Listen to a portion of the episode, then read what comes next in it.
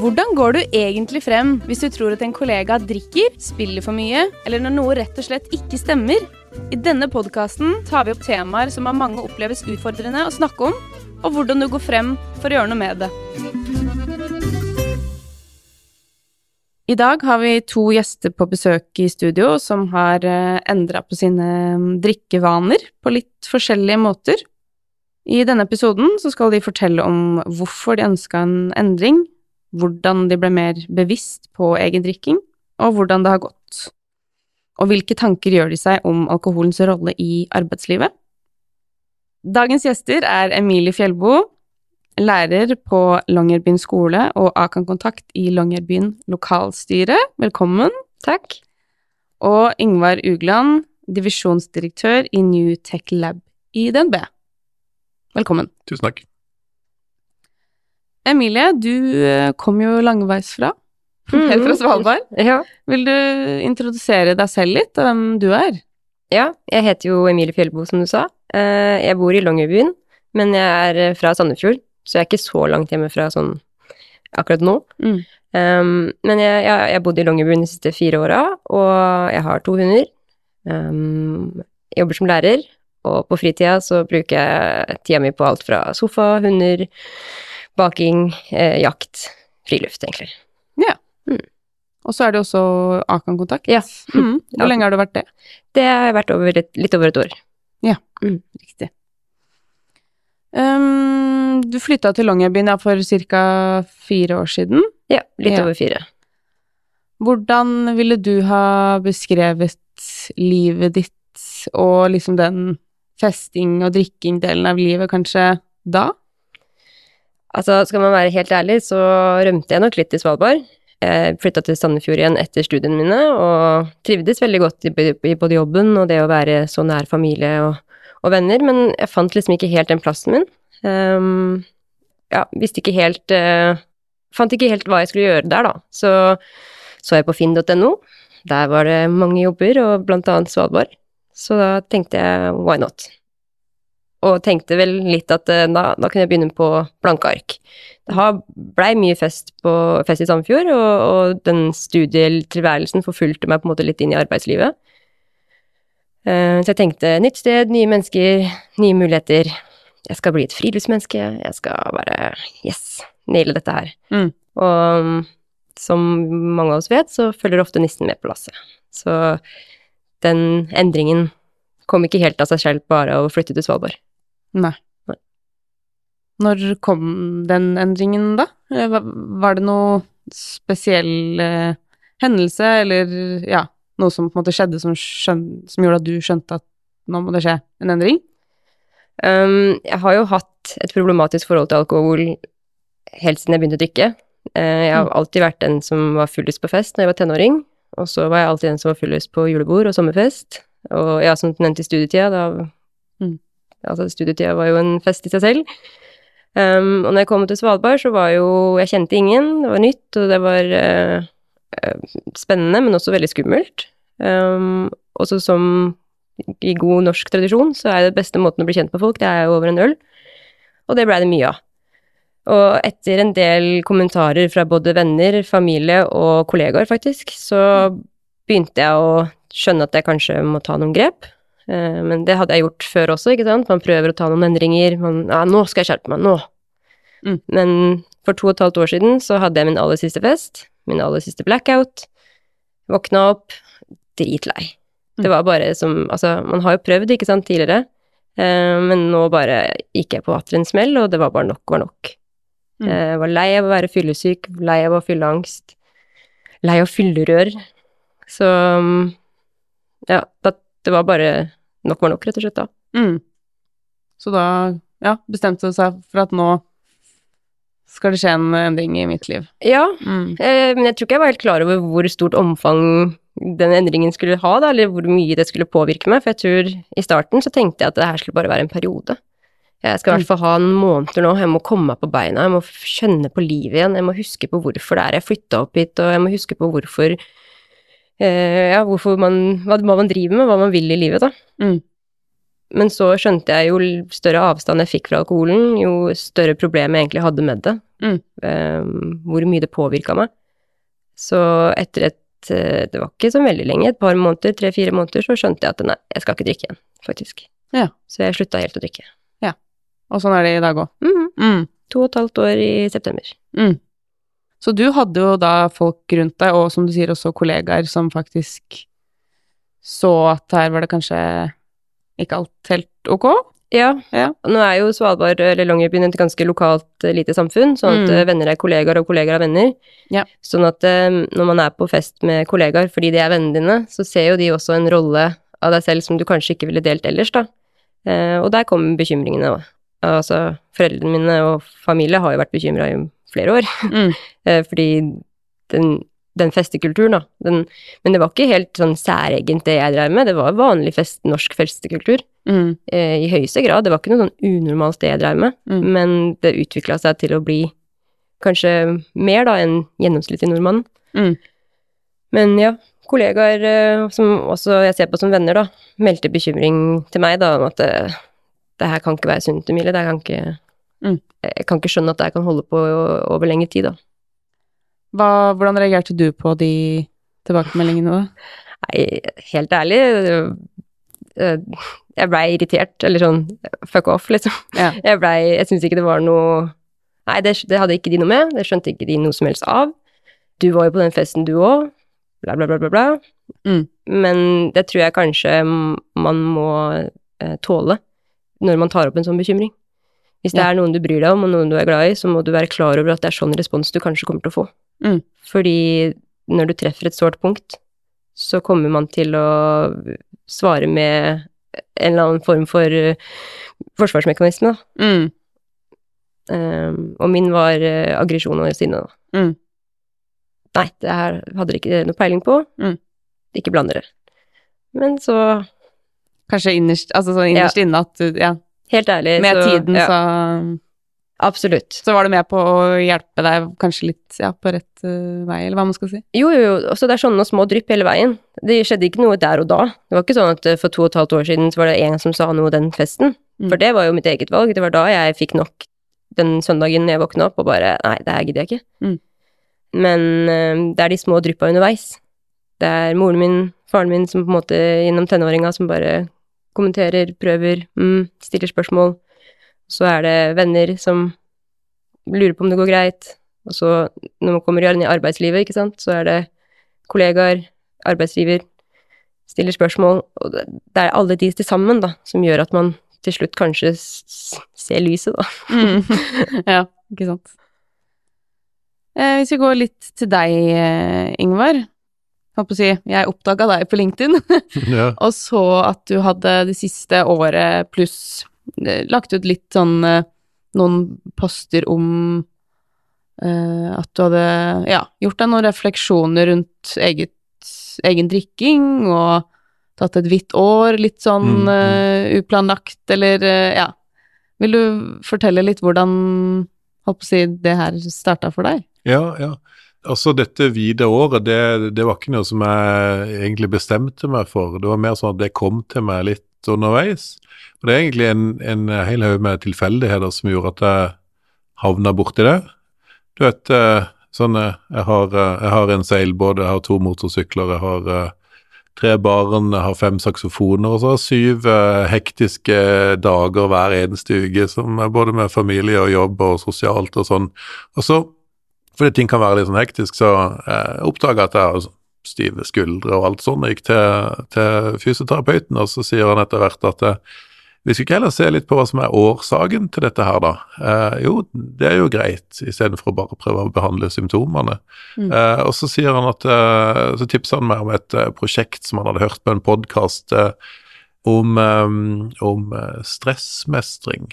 eh, som, eh, som, som, eh, som vi var en haug med folk som ble med på. Som resulterte i ei bok som heter Pulskuren, som ble en bestselger skrevet av lege Torkil. Eh, og det som, det som vi gjorde da, var at vi fant bare sånn vanlige sånn devicer fra sånn idrettsgreier som, som målte stressnivået i kroppen vår. Og det, det som den store aha-opplevelsen som folk gjorde da, det var at alkohol har en helt syk påvirkning på hvordan nervesystemet oppfører seg. og når en så på disse tingene som vi har på, på, på armene våre, hvordan bare ett til to glass kunne gjøre at hele nattesøvnen var ødelagt, Mm. eh, og at kroppen aldri fikk hvile, eh, så, så, så endte det opp med at de aller fleste tok seriøse grep på eh, alkoholvanene sine. Mm. Og jeg tenkte at det passer egentlig ganske fint, fordi jeg har eh, omtrent hvert eneste år tatt en sånn eh, vid januar. fordi det tenker jeg det er greit å ha litt sånn detox etter, eh, etter julebordsesong og, og alt sånt der. Eh, men så tenkte jeg at nei, men la meg ta Januar er egentlig litt juks, da. Fordi at det, det skjer så lite sånn sosialt da for den som metter på det. Så jeg tenkte la meg ta en eh, hvit måned i forbindelse med dette i eh, april. For da er det sånn Det er litt mer utfordrende. Da kommer påska og alt mulig. Så, så jeg starta egentlig med å ta en hvit måned i uh, april. Og så, så kunne jeg jo måle effekten på det jeg hadde på, uh, på kroppen, da. Altså på stressnivået i kroppen, og hvor bedre søvnkvalitet jeg hadde. Mm. Og hvordan det egentlig påvirka meg. Så jeg hadde liksom de beste motivasjoner for å fortsette med dette. Og så, så stoppa jeg aldri med den hvite måneden. Og så i oktober så slo det meg at jøss, nå har jeg faktisk hatt eh, seks måneder. Mm. Og, så, og så skal det sies at det var liksom ikke helt hvitt. Det var sånn eh, Så lenge jeg hadde gått under 0,2 i promille, så var det liksom Så det jeg sa, var alltid kjørbar. Og så har jeg spurt Mm. folk om kan jeg regne det som hvitt. Ja, hvis du med innenfor god margin kan sette deg i en bil, så er det, det er det er mye mer hvitt enn det er beige. Så, Mm. eh, og når det var gått et halvt år, så var det sånn eh, Da begynte jeg å snakke litt om det, da. Eh, Mm. Og, og da, begynte, da begynte responsen eh, å komme. Mm. Og, så, og så kom julebordsesongen og sånn, og så tenkte jeg det, det er en stor utfordring. La meg prøve det. Gå, kjøre, kjøre hvitt gjennom eh, julebordsesongen, og takke pris for det. Fordi eh, da er det mange kjipe morgener du slipper unna.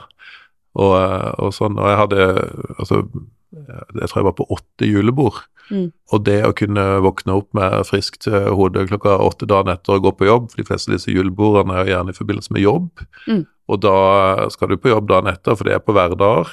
Så, så, um, så det var egentlig sånn en, en, en haug med tilfeldigheter som gjorde at, eh, at eh, det halve året som jeg bare oppdaga at jøss, nå har det gått et halvt år, det ble forlenga gjennom julebordsesongen, og så i april så skjønte jeg at jøss, nå har jeg faktisk hatt et hvitt år, da. Mm. Eh, Og da, da kommer du inn i noen eh, nye vaner og rutiner som, eh, som no, noe blir liksom hengende ved. Mm. Du nevner jo noen positive sider ved det. Kunne våkne opp og dra på jobb klær i hodet, og, og kunne kjøre, blant annet, som du kalte det. Litt sånn alltid kjørbar. Mm, mm. Hvilke andre For sant, du fortsatte jo. og Hvilke fordeler merka du ved det, og gjorde du deg noen tanker rundt ja, din egen drikking, hvordan det var før, eller? Ja, altså, eh, som sagt så som, som en sosial person som har stort profesjonelt nettverk og sånn, så, og har eh, kolleger både i London og i San Francisco, så blir det mye sånn reising og sånn og mye, mye treffe kolleger eh, ut på restaurant. Og det er, det er forbløffende hvor, hvor integrert alkohol da, er i alle sånne type sosiale greier, både privat og på jobb. Mm. Og det, og- det der, det, det sitter egentlig i, bare i, i språket òg, at skal vi gå ut og ta en øl? Men så må jeg jo rette meg og si til folk at eh, jeg mener egentlig skal vi gå og ta en kopp te? Um, du kan gjerne ta en øl, men jeg tar en kopp te, Mm. eventuelt ei alkoholfri øl.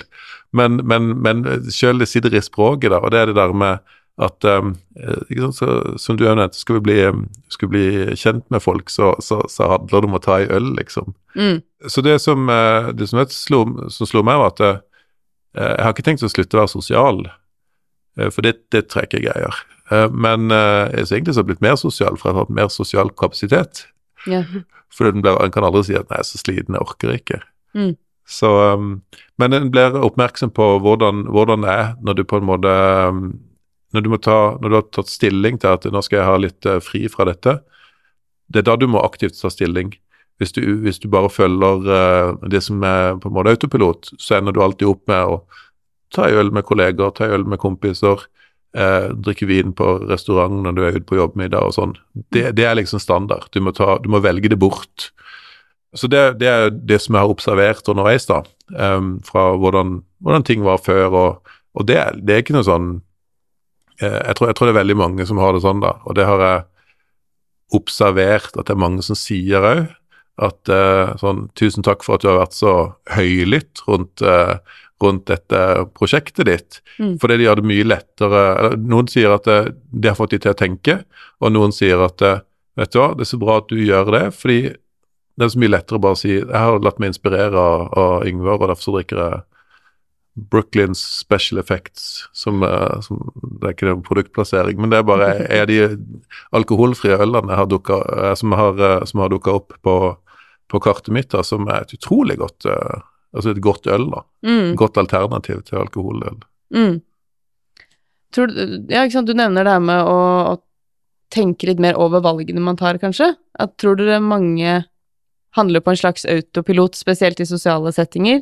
Og hvis vi også snakker da om arbeidslivet, at man bare man tar den ølen, og så blir det tre, fire, fem, og så plutselig er man ute.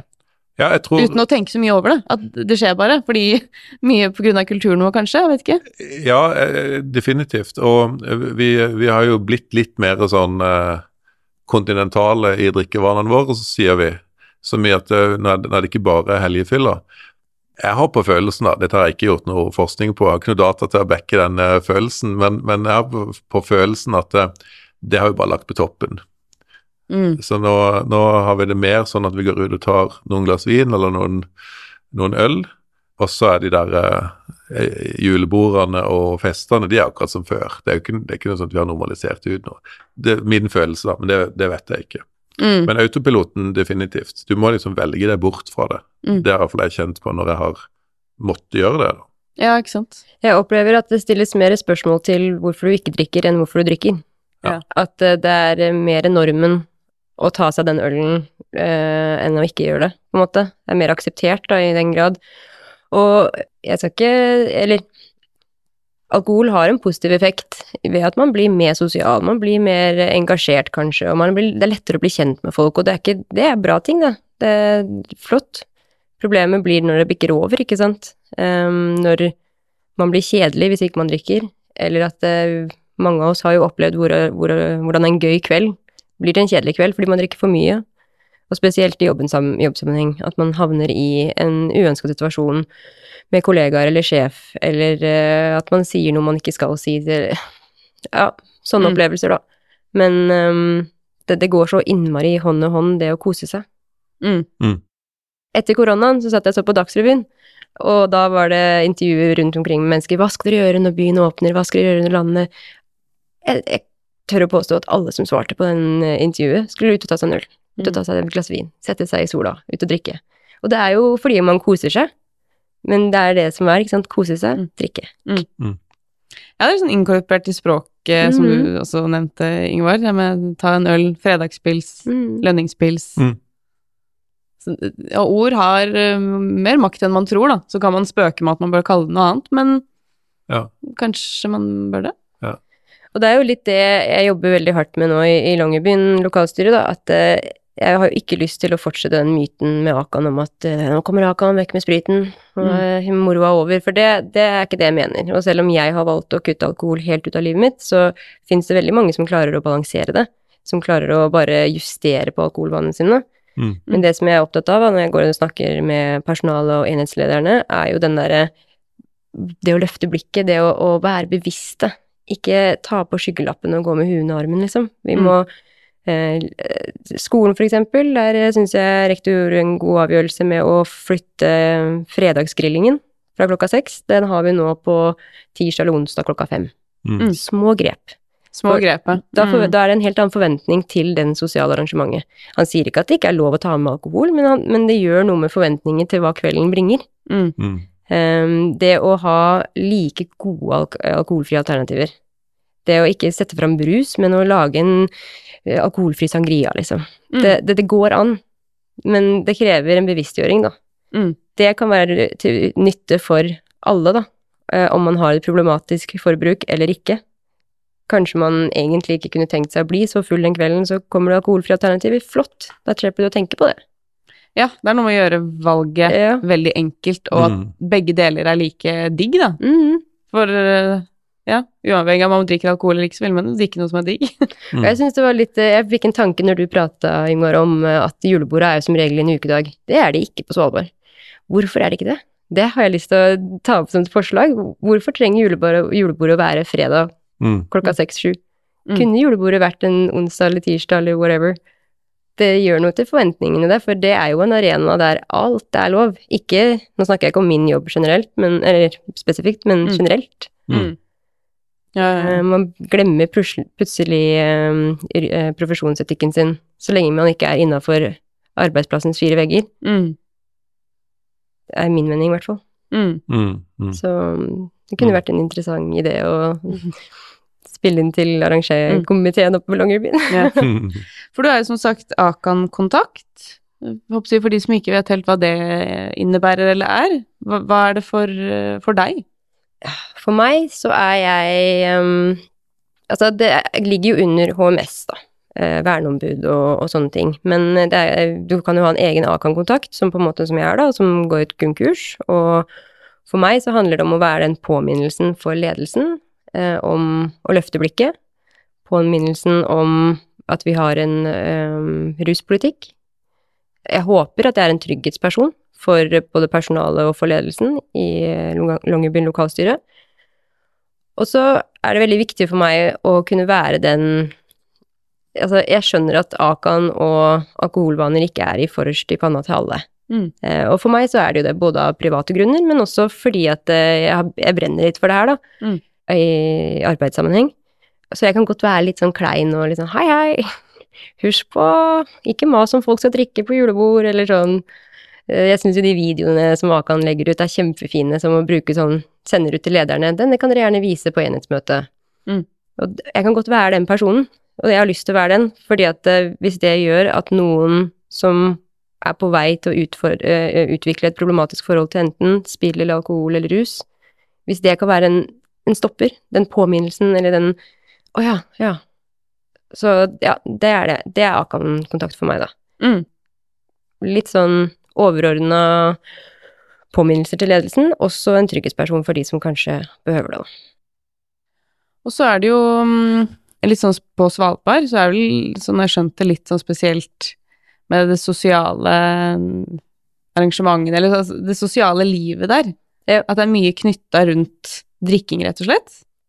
Vil du bare si litt kort rundt, eh, rundt det? Ja, for jeg har liksom grubla og tenkt litt på hvordan jeg skal rettferdiggjøre og snakke om denne problematikken for Longyearbyen. Fordi eh, jeg er veldig glad i Longyearbyen. Og det er fantastiske, flotte mennesker og sted og natur. Vi har jo også et problematisk forhold til alkohol i byen. Altså det har vi hatt i mange år, og det har vi fremdeles. I den grad at eh, når man, hvis man blir tilbudt jobb, så tar faktisk arbeidsgiver og snakker med deg om eh, ditt forhold, eller spør deg da, hva slags forhold har du til alkohol? For jeg vil bare nevne at hvis du har et problematisk forhold, så er ikke det her plassen for deg. Og det kan ses på, på to sider. Det er én, kjempebra at man tar den samtalen. Det er jo et veldig stort steg i riktig retning i form av å på en måte eh, ivareta den personen, da. Mm. Men så syns jeg det er så innmari skuffende at vi tillater at det er sånn. Mm. Eh, vi som bor i Longyearbyen og kaller dette for hjem, vi, vi veit jo at dette har så mye annet å by på, da. Så jeg tenker at eh, den De skyggelappene som vi har hatt på en god stund nå, de er vi på, i ferd med å ta vekk. Eh, så det håper jeg vi bare Eller det veit jeg vi kommer til å fortsette med. Eh, fordi en by som har mer å by på, det veit jeg ikke om. Det er mennesker som er dugnadsånd uten like. Vi har eh, maraton, altså vi har eh, litteraturfestival, bluesfestival, you name it. Og veldig mange år på rad så har vi vært byen som eh, samler inn mest penger til TV-aksjonen. Det er en skikkelig lokalsamfunn som brenner for dugnad og, og stiller opp for hverandre. Mm. Men akkurat når det kommer til den alkoholen, det tror jeg sitter igjen fra både gruvetida Vi har jo, jeg vet ikke om dere veit det, men på Svalbard så har man alkokort. Du får utdelt det da som fastboende. Så når du skal gå på polet, så må du eh, Du får kjøpe, hvis jeg husker riktig, så er det 24 øl i måneden og 1 liter sprit. Og det blir kryssa av på dette alkokortet. Men det er eh, øl og sprit, det var det gruvearbe- gruvearbeiderne drakk. Mens eh, vin og sider, det kan du kjøpe så mye du vil av. For det drakk jo, drakk jo fiffen, ikke sant? Men, og vi har det fremdeles, men det er litt mer med Det er litt sånn sjarm eller gammel tradisjon. Mm. Fordi de øla som du drikker på puben, teller jo ikke. Nei.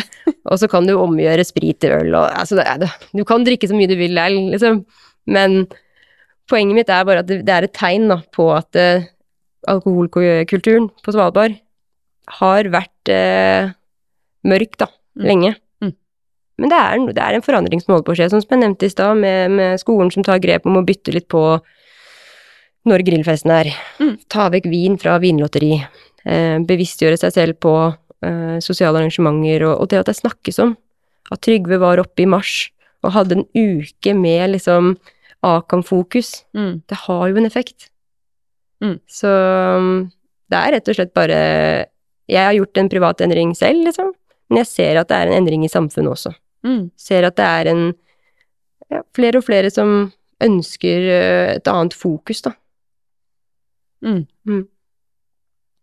Hvordan ble det mm, mottatt der, eh, eller blant ja, din krets, da du slutta å drikke? Det blei altså for all del positivt mottatt. Det er mange som tenkte 'yes, på høy tid', eller i Mm. hvert fall 'bra, det her blir fint for deg'. Det, er, det er mye støtte og mye um, positiv respons. De litt mer perifere vennene mine, de trodde jeg hadde flytta ned, for de så meg aldri ute lenger. ja. uh, og så er det jo selvfølgelig uh, Jeg syns det du sa i stad, Ingvar, om at du er ikke noe mindre sosial, du er mer sosial. Der har nok jeg gått i en feil felle. Jeg, for, for min del, så trengte jeg å um, lage en stor avstand mellom meg og alkoholen. Og for jeg, jeg måtte liksom omdef, omdefinere meg. Mm. Hvem var jeg, og hvem er jeg, og hvem skal jeg være på fest nå, og jeg er alltid hun som er konferansier på julebord og liksom shower og styrer og ordner da, og det var jeg plutselig ikke lenger da. Mm. Um, så jeg har, jeg har lyst til å utfordre meg selv på det da, og dra på festligheter og sosiale arrangement, selv om jeg ikke drikker da. Men jeg må ærlig si det er litt vanskelig når man er litt ensom på det. Mm. Jeg har gode venner og kollegaer som alltid backer meg hvis jeg trenger det, men jeg kan skjønne jeg da, som har tatt et så dypt og personlig valg, folk stiller ikke noe spørsmål til det lenger. Det er Mm. ikke noe mer sånn der, kan, kan bare ta én øl. Nei, nei, det, det sjekker jeg, opplever ikke jeg. Mm. Men jeg kan tenke meg sånn som for din del, da, som tar dette her for at du skal sove bedre, og fordi at du, skal, du ser at kroppen trenger det. Det, det handler om øh, litt andre grunner, kanskje, da. Der opplever folk mer øh, Ja, men seriøst. Litt sånn at man er kjip, da. Ja, jeg kan kjenne meg litt igjen i det. For vi, vi eh, responsen jeg fikk, var jo litt todelt. Og den, den første delen, den som litt sånn negativ, den har på en måte gått litt over, da. Men den besto vel i, til en viss grad av sånn Hvorfor du slutta å drikke? Ja. Har, du, har du alkoholproblemer? Ja. Og så eh, Og svaret mitt på det var jo at jeg sannsynligvis ikke noe mer enn alle andre. Jeg bare jeg har en greie på armen min som sier hvordan det påvirker eh, nervesystemet mitt. Og jeg er referansegruppe på 200 andre som sier akkurat det samme, så vi har noen data til å backe opp at dette dette er ikke så sunt for oss. Eh, og den, eh, den andre delen av, av den negative greia var vel at eh, noen følte at eh, en, en dømte de for at de drakk, men det var jo absolutt ikke poenget. Eh, og det, det var ikke alltid at jeg var så veldig høylytt på at jeg drakk uh, lettøl eller uh, alkoholfri øl eller en blanding av disse på, på fest. Og jeg har en gang blitt konfrontert med at eh, ok, jeg fant en, en pose med pant på alkoholfri øl. Hvem er det som har lurt oss? Det var liksom dagen etter en fest, da. Og så, oss. ja, ikke sant, så følelsen av å bli lurt, da. Ja. Um, og det tror jeg har noe med at hvis alle drikker, så føler en at da er en i samme båt, og en um, litt sånn um, uh, Terrorbalansen er litt gjensidig, da. Men hvis, at det er skummelt hvis det går en eller annen person inni der og, og er edru. Men disse tingene har på en måte eh, lagt seg litt der, fordi at det, det har eh, De positive har overskygga det. Og, men jeg var ganske tydelig på det at eh, jeg tok bare et sånn bevisst og litt sånn offensivt eh, eh, standpunkt og, og holdning, da. Og eh, jeg kom liksom med en sixpack med, med alkoholfri øl på fest. Og, eh, og liksom sånn Har du smakt den her? Den er kjempegod. Og var litt sånn der eh, bevisst tok min posisjon, da. Mm. Eh, og, så, og så etter hvert så har jeg observert at det er mange som, som har både begynt å tenke seg om og, og til en viss grad inspirere da, av det samme, og, og har kjent på det der at du blir liksom automatisk trukket med i den der eh, autopiloten da, på at eh, det er alkohol som er standarden, og du må velge deg bort ifra fra det. Mm. Og så er det noen sånne praktiske ting, da, sånn som jeg har, jo, jeg har jo barn som har begynt å komme opp i de tidlige tenårene, og, og, kunne si at um, hvor uh, Ja, kos dere i kveld, uansett hvor dere er, bare ring hvis du trenger hjelp. Jeg kan, jeg kan, jeg kan komme og hente alltid. Mm. Og den der ideen om at uh, pappa kan alltid komme og hente, pappa kan alltid kjøre, uh, det, det, skapte en sånn, sånn interessant Det var veldig sjelden at det ble nødvendig. Mm. Men det skapte en sånn, både en trygghet og en litt sånn derre En trygghet for, eh, for at uh, den muligheten fantes. Pluss en, en, en, litt sånn Vi kom litt nærmere hverandre, da. Mm. Sånn uh, På en litt sånn u, uh, uventa måte. Mm. Og det opplever jeg litt det samme, ikke at jeg kan kjøre og hente på samme måte, da. Det er ganske små plasser, det er ikke så langt å gå, da. Men jeg opplever at folk eh, snakker med meg om at de også har tenkt på sine alkoholvaner, da. I form av at det blei kanskje litt mye under korona, ja. Plutselig så var det liksom lov å ta seg et glass vin hver kveld. Eller sånn at de bevisstgjør seg selv lite grann, da. Um, jeg har jo noen ganger følt på at jeg har vært litt uh, At jeg har hatt litt vel fokus på det. Men samtidig så får jeg responsen på at de syns én, uh, at det er fint at jeg er åpen om mitt men også at de selv gjør seg noen refleksjoner, da, noen tanker eh, om det. Og så har det sikkert noe med alder å gjøre òg, da. Jeg blir 30 eh, i morgen, faktisk. Og mm. jeg merker at vennene mine også er eh, eldre, og at vi har et annet fokus.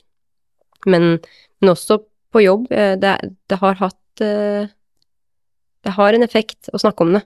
Mm. Om det er alkohol eller spill eller temaer som kan være tabubelagte eller mm. kompliserte det har en effekt. Og det merker jo jeg som lærer også, med barna. At vi ufarliggjør ting. Nå snakker jo ikke vi om sånne, men når vi ufarliggjør temaer, da. Det å være ensom, eller det ja, Alt mulig, da. Ja, ja. Det har en effekt.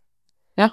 Det er jo en av grunnene til at vi oppretta den podkasten der. Snakke høyt om det. Ja. Fordi vi sprer jo mye kunnskap på nettsiden vår, og via tekst og Men vi har veldig tro på at det har en egen, egen verdi og effekt å bare snakke høyt om det, liksom. Mm. Og, det, og, dere er her og deler liksom deres perspektiver og tanker rundt det. Ja. Jeg tror bare det i seg selv kan eh, være til hjelp for mange, da. Jeg tenker sånn som Longyearbyen, det er jo så høy turnover der. Det er så mange mennesker som kommer og flytter til og fra hele tiden. Og det, det ser vi jo i bedrifter og ja, i over hele fjøla der, da, at det, det, har, det, påvirker jo på positive og negative måter. At man positivt ved at man får nye innspill hele tiden, at det kommer revolusjonerende ting eller uh, nye ideer og ja, alt mulig. Men det har jo også en effekt ved at uh, ting får bare tralte og gå. Ting, ting, som kanskje burde endres på, blir ikke endra på, for det er eh, vanskelig å ta tak i, det er vanskelig å vite hvor man skal begynne. Og det er noe jeg har lært av Akan, at uh, det er ikke så vanskelig, eller det trenger ikke å være så krevende ikke begynn med så veldig sånn omfattende ting. Kjempestore omveltninger. Små grep. Mm. Små justeringer. Og det er som sagt, da, hvis man har liksom syns det er vanskelig å vite hvor i det hele man skal begynne, så har jo Akan masse verktøy man kan se på, bare gå inn og lese på. Mm. Jeg syns det har vært så hjelp å vite det er jo en, en, en, by og et sted med masse historie, både fangsthistorie og, og verdenskrighistorie og sånne ting, men det har også en, en del sånn alkoholhistorie, da. Mm. Så hvor, hvor det i det hele tatt begynner å gripe tak i det. Ikke sant. Det... Men små grep har en effekt. Mm. Det har det. Mm. Da du har delt liksom poster på LinkedIn rundt det her, Ingvar, så har du fått en del um, reaksjoner på det, eller engasjement, mm. rett og slett? Ja. Kommer du på liksom hva, hva, det har gått i, stort sett? Det har nok vært uh, udelt positivt. Jeg, vet ikke om, om, det er en uh, plattform hvor de som er uenige uh, eller rynker på nesa, vil, vil heve stemmen sin, da. Men, men det, er, det, er, noen av de, det er hundretusenvis av mennesker som har lest de innleggene. Og det er veldig mange som kommer og sier 'tusen takk for at du deler'. jeg har tenkt på det samme, eller jeg har gjort, gjort det samme. Kommentarfeltene er overbefolka av folk som, som, som, eh, som, eh, viser sin støtte da, for, eh, for noe, som er sånn enkeltinitiativ som det, var ikke, det var ikke mye jeg gjorde for dette. altså Det kom litt tilfeldig til meg. Jeg bare Mm. deltatt når jeg har hatt et, et halvt år, et hvitt halvt år, og så etter hvert så ble det et år. Så jeg tror, på samme måte som dere har denne podkasten her, da, som bare handler om å, om, å, om å snakke om det, at noen snakker om det, at noen roper litt, eh, litt høyt. altså det, det tror jeg det er mange som setter pris på. Mm. Mm. Ja, det viser jo kanskje litt den eh, de reaksjonene på de innleggene nå. Mm, Mm. mm. Gjør du deg noen Eller hvilke tanker gjør du deg rundt alkoholens rolle i arbeidslivet, og da gjerne i de sosiale settingene mellom jobb og fritid og julebord? Det er, Ja. det er mange, mange arenaer der da, hvor ofte alkoholen blir kanskje hovedrollen. Ja, og jeg syns jeg kan huske det tilbake til med slutten av studiene òg, når eh, noen av ukas høydepunkt det var når det var bedriftspresentasjon, for da spanderte de øl og pizza etterpå for at en skulle sitte igjen og diskutere og liksom bli interessert i eh, selskapene. Og så eh, når, i overgangen da, fra å være fattig student til å begynne å, i eh, arbeidslivet og eh, ha jobbrelaterte semisosiale settinger, altså du, du samles med enten bare med kolleger eller med kunder eller hva det nå er, og så, er det gratis alkohol. Så selvfølgelig er et, eh, det et sjokk da når en kom eh, rett ut fra studiene. Og så, eh, hvis en observerer litt, så, så er det jo det er ofte sånn det er. da. Det er veldig sjelden at en har et, eh, et eh, arrangement med kolleger eller, eh, eller kunder eller den type ting hvor på, etter, på ettermiddag eller kveld, særlig sånn sen ettermiddag og utover kveld, hvor det ikke er eh, hvor det ikke serveres alkohol. da. Og Jeg tror nesten det er litt forventa òg, at det handler om at dette er en litt sånn happening. Det skal bli litt gøy. Og det er ikke nødvendigvis noe galt i det, men iallfall for, for, for mange så kan det være sånn antall, antall ganger det skjer, kan bli overveldende. Mm. Mm. Og, så er det noen som, som skulle nok ønske at det var enklere å gå til baren og si 'jeg vil ha den øla der', eller et eller annet, annet godt alternativ, istedenfor å si 'jeg tar en eplemost, men blander den gjerne med Farris', så ser det ut som det er øl. Ja, det, det er ikke noe jeg finner på, det har jeg hørt folk si. Ja, ja. altså. Ja, ja. Det er ikke overraskende. Ja. Det, Putt en lime oppi Farrisen, så ser det ut som en GT. mm. Ja, ja. Mm. Så slipper man å mm, Mm. komme med den forklaringa og Ja. Og jeg kan tenke meg i en sånn, uh, i en sånn bedrift eller i det yrket du er i, da, så skal man jo også please klienten, ikke sant? Sånn Ja. at man kan jo få et litt dårlig omdømme. da. Å ja, de er kjipe, ja. Nei, de gidder ja, de gidder ikke å spandere på Det er en forventning, som du sier.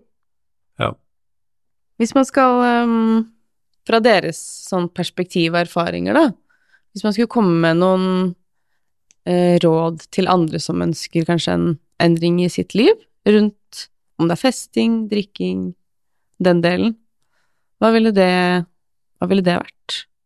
Altså, jeg har jo forberedt meg på dette her, da. så jeg har tre, tre råd som jeg ville gitt. Mm. Og råd én er følg magefølelsen din. Er du i tvil om alkoholvanene dine, så er du kanskje ikke i tvil likevel. For hvis du har begynt å stille deg noen spørsmål, så har du muligens funnet det svaret, da. Nummer to er vær åpen med dine nærmeste. Du trenger ikke å stå de alene. Eh, Det er mye lettere å snakke om det. Og mest sannsynlig så er det veldig mange flere som sitter og kjenner, inn, kjenner det samme eller lignende eh, følelser, da. Og den siste syns jeg var litt vanskelig å formulere, men jeg, jeg landa på at kjenn etter på hva som gir, eller hva som tar energi. Mm. For med det så mener jeg at en livsstilsendring krever mye, og det kan være vanskelig, og det kan kjennes kjipt ut, men det koster deg kanskje likevel mindre å gjøre den endringen enn å fortsette sånn som du gjør. Mm. Ja, Jeg har jo veldig gode råd, tenker jeg. Har du Ja, tenkt ja. på noen? Ja, og, og tenker jeg at hvis du, eh, hvis du hører på den podkasten her, da, så har du kanskje tenkt noen tanker allerede. Men, men jeg er helt enig med altså, Tør stille seg selv spørsmålet om eh, hvor, eh, hvordan, eh, hvordan er mine vaner i forhold til hva jeg skulle ønske. Og hvis det er et avvik der, så som vi har snakka om her, det, det finnes alternativer, og det er ikke så farlig å prøve. Og eh, det går an å eksperimentere med både blande alkoholfrie alternativer med alkohol og sånn. Så det er en ting som jeg har uh, gjort ganske fast, er at jeg har, uh, etter når jeg er ferdig med dette videre året, da, så Mm. det at jeg har uh, Eh, så når han drikker vin til, til middagen og sånn, er halvert tempo og halvert volumet. Mm. Mm. Og, og um, bare det å eksperimentere med å ta en hvit måned, da bare for å se hvordan, hvordan effekt det har, det er ikke så, uh, det er ikke så vanskelig. Eh, Det er iallfall min erfaring. Det var forbløffende lett å ta et hvitt år. Mm. Eh, for jeg har hørt folk som har sagt det før, at eh, jeg tar et hvitt år. og tenker What? Hvordan, hvordan, klarer du det? Eh, men min erfaring var at det var forbløffende lett. Det tenker jeg er viktig å være klar over. da. Og så, har jeg fått et eh, tips av noen eh, Jeg har fått av noen studenter, og det handler litt om sånn eh, hvordan de har kanskje opplevd at eh, festkulturen i studielivet går utover studiene og eksamen og alt mulig. Men de viste meg en app som heter eh, Lykkepromille.